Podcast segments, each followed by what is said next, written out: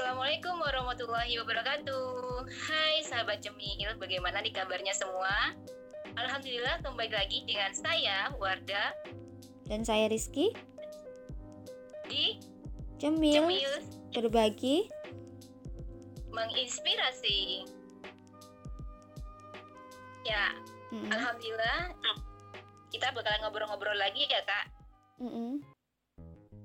Dan kali ini kita akan mengobrol tentang sesuatu yang ya nggak baru dan juga nggak lama sih gitu kan ya apa yang terjadi di sekitar kita. Dan masih inilah masih berkaitan dengan COVID-19 lah. Ya ini ini kak ya ngomongin COVID-19. Ya Allah, tambah meningkat ya kak ya di beberapa daerah khususnya Jawa Tengah dan juga Jawa Timur. Mm-mm. Iya. Nah, di tengah di tengah COVID-19 ini ya, yang mana kita itu semuanya kesulitan gitu kan ya, banyak PHK di mana-mana. Eh makan juga cari maksudnya gini, cari makan itu juga susah gitu kan ya. Tapi masih ada loh begitu eh apa ya? Ya bisa dibilang gitu kan ya, orang yang mungkin tidak memiliki hati nurani ya. Mm-mm. Mosok rek dana Covid di ya bukan berarti dana-dana yang lain nggak boleh dikorupsi gitu kan ya eh boleh dikorupsi gitu tapi kalau dana covid aja maksudnya dana itu kan dana covid itu kan berarti bantuan ya bantuan bantuan terhadap Bansos. masyarakat ya Bantuan sosial. ah bas nah kalau untuk bantuan masyarakat di tengah covid aja dikorupsi gimana dana-dana yang lain yang kayak sebelumnya aja dana lobster benih lobster aja bisa dikorupsi gitu kan ya nah itu itu kadang tuh kalau misalnya saya jujur ya kak ya kalau misalnya saya mikir-mikir sendiri tuh kok ya oh no oh no ya sesuatu itu semuanya dikorupsi gitu. Ya itulah gitu kan ya. Itulah kalau misalnya kita berbicara mengenai ya sistem demokrasi itu sendiri gitu. Padahal kalau misalnya kita berbicara mengenai demokrasi filosofinya itu bagus loh kak. Slogannya tuh keren loh kak. Hmm. pasti kita tahu nggak slogannya demokrasi? Ya dari rakyat oleh rakyat untuk rakyat. ya dari rakyat oleh rakyat dan untuk rakyat. Nah slogannya tuh keren gitu kan ya. Nah tapi kenapa nih gitu? Kok slogannya itu hanya sekedar slogan aja gitu kan ya? Mm-mm. tapi pada kenyataannya enggak. Tapi sebenarnya benar kok kak. Dari rakyat oleh rakyat dan untuk rakyat. Nah tapi untuk rakyat yang siapa nih? Itu seperti itu. Mm-mm. kalau nah kalau misalnya kita berbicara mengenai demokrasi itu sendiri jadi demokrasi itu sendiri kak dan juga teman-teman milenial demokrasi itu adalah sistem pemerintahan yang itu berawal atau berasal ya atau lahir dari Yunani. Nah lahir dari Yunani dan itu ya lahir dari apa ya? Lahirnya itu dari sebuah pemikiran ya manusia yang mana pemikirannya manusia itu lemah dan terbatas. Ya kalau misalnya nanti kita berbicara mengenai ini ya kenapa demokrasi itu lahir nanti lah ya kalau misalnya ada waktu tersendiri. Dan jadi demokrasi itu lahir dari Yunani yang mana berasal dari akal manusia nah itu seperti itu dan demokrasi itu adalah sistem pemerintahan yang mengatur segala urusan negara nah siapa di situ nanti yang mengatur yang mengatur itu adalah wakil rakyat yang dipilih oleh rakyat makanya kenapa kemarin eh, 9 Desember itu ya eh, rakyat itu memilih Nah, itu seperti itu. Nah, yang dipilih itu yang akan mewakili rakyat. Mm. Nah, kalau misalnya kita ngomongin rakyat nih, Kak, kan rakyat itu kan ada banyak tuh, Kak, ya, yang memilih. Nah, rakyat yang biasa itu memberikan hak suara, Kak. Tapi ada rakyat yang luar biasa. Nah, rakyat yang luar biasa itu mereka tidak hanya memberikan hak suara, tapi juga memberikan modal.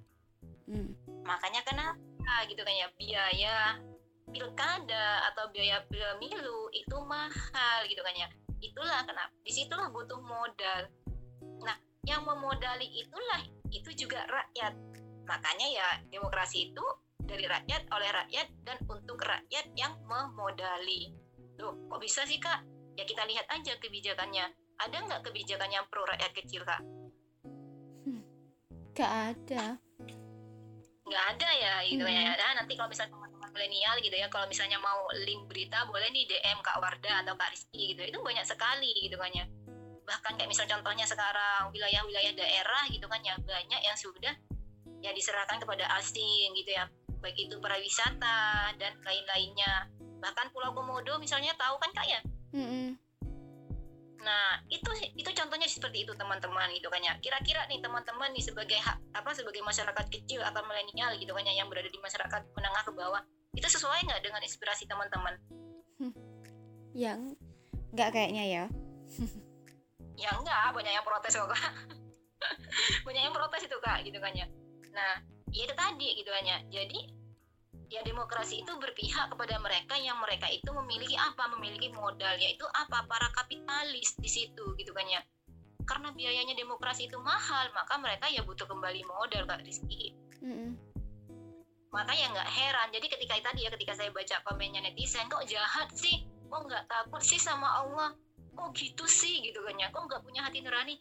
Ya iyalah gitu kan ya kalau orang takut sama Allah kira-kira ngelakuin itu nggak nggak mungkin gitu ya nah Mm-mm. karena apa karena orang yang takut sama Allah itu adalah orang yang bertakwa orang yang beriman gitu kan ya nah karena mereka nggak takut sama Allah ya pastinya mereka berani melakukan itu Iya.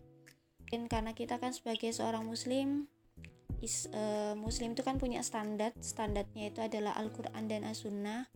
Maka kita coba cari tahu dulu sebelum jauh ya. Eh, demokrasi dalam pandangan Islam itu gimana sih? Apakah demokrasi itu berasal dari Islam atau seperti apa gitu?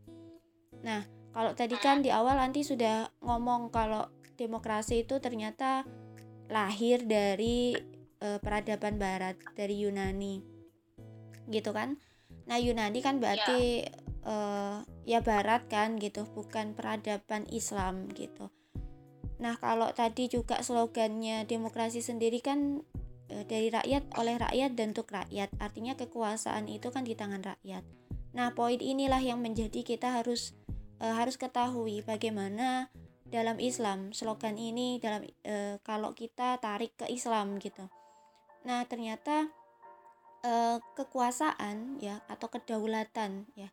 kedaulatan itu di tangan rakyat ini jelas bertentangan dengan eh, akidah Islam yang mana ya, artinya kekuasaan tertinggi artinya yang berhak untuk mengatur, yang berhak untuk membuat aturan gitu. Yaitu adalah eh, pencipta alam semesta manusia dan kehidupan ya. Yaitu adalah Allah Subhanahu wa taala gitu. Nah, sedangkan kalau demokrasi adalah pada rakyat, artinya rakyat kan manusia gitu. Nah, manusia berarti kan eh, manusia berhak untuk buat aturan sendiri, berhak untuk eh, ya mengubah-ubah aturan sesuka hatinya dan sesuai keinginannya kapan pun yang dia inginkan kayak gitu. Nah, sedangkan kalau dalam Islam tidak seperti itu. Artinya eh, kita adalah makhluk Allah, kita adalah ciptaannya Allah gitu. Yang itu eh, kita memiliki konsekuensi ya atau memiliki ikatan yaitu adalah harus tunduk kepada perintah dan larangan Allah. Sehingga eh, apa namanya dalam kehidupan ini kita harusnya memakai aturannya Allah gitu bukan aturannya manusia dan manusia tidak memiliki hak sedikit pun untuk eh, membuat aturan dan eh, apa namanya mengubah aturan kayak gitu nah dari sini saja itu sudah eh, sudah apa ya sudah kontradiktif. Apa ya kontradiktif itu? Eh, bertentangan. eh, eh, eh, bertentangan berbeda banget gitu. Dari dasarnya beda banget gitu. Nah kalau kita tahu tadi kan juga ya eh, kenapa kok mereka dari rakyat oleh rakyat untuk rakyat gitu? Ya karena memang manusia eh afan karena karena eh, alkoholik pencipta gitu yaitu adalah Allah tidak dilibatkan di dalam kehidupan ini gitu yaitu mereka lebih memilih untuk memisahkan agama dari kehidupan. Nah, karena memisahkan agama dari kehidupan, mereka kan e, tetap butuh aturan ya. Secara fitrah manusia itu manusia itu bagaimanapun dia hidup, e, dia tetap butuh aturan. Nah, ketika dia memisahkan agama dari kehidupan, nah terus dia mau pakai aturannya siapa, gitu kan? Mau pakai aturannya siapa ya? Jelas dia akhirnya ini apa namanya?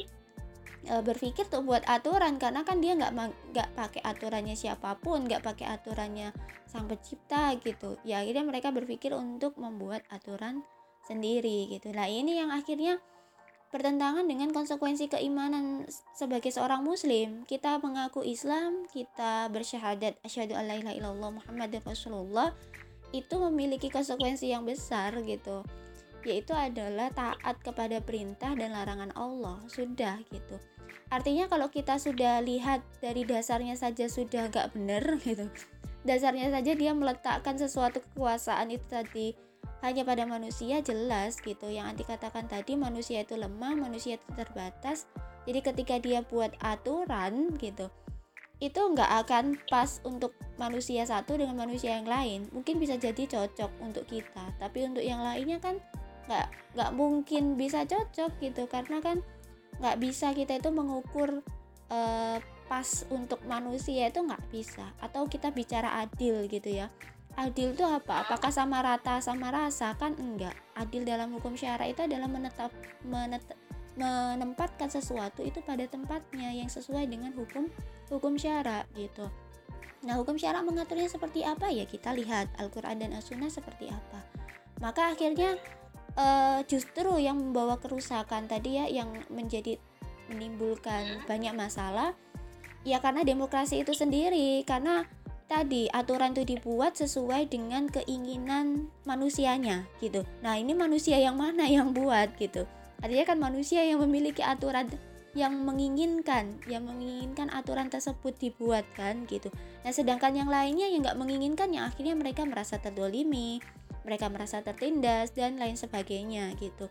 Nah, itu ya apa namanya? Ya jelas banget lah intinya eh, demokrasi itu adalah uh, tidak sesuai dengan Islam gitu itulah yang justru karena bertentangan dengan Islam yaitu jelas akan membawa kerusakan gitu jadi eh, Allah menyampaikan dalam dalam Al-Qur'an wa man a'radu an dzikri fa innalahu ma'isyatan dongka dan barang siapa yang dia berpaling dari peringatanku ya peringatanku berarti kan dari dari uh, perintah dan larangan Allah dari dari syariatnya Allah uh, fa innalahu ma'isyatan doa dongkah ya.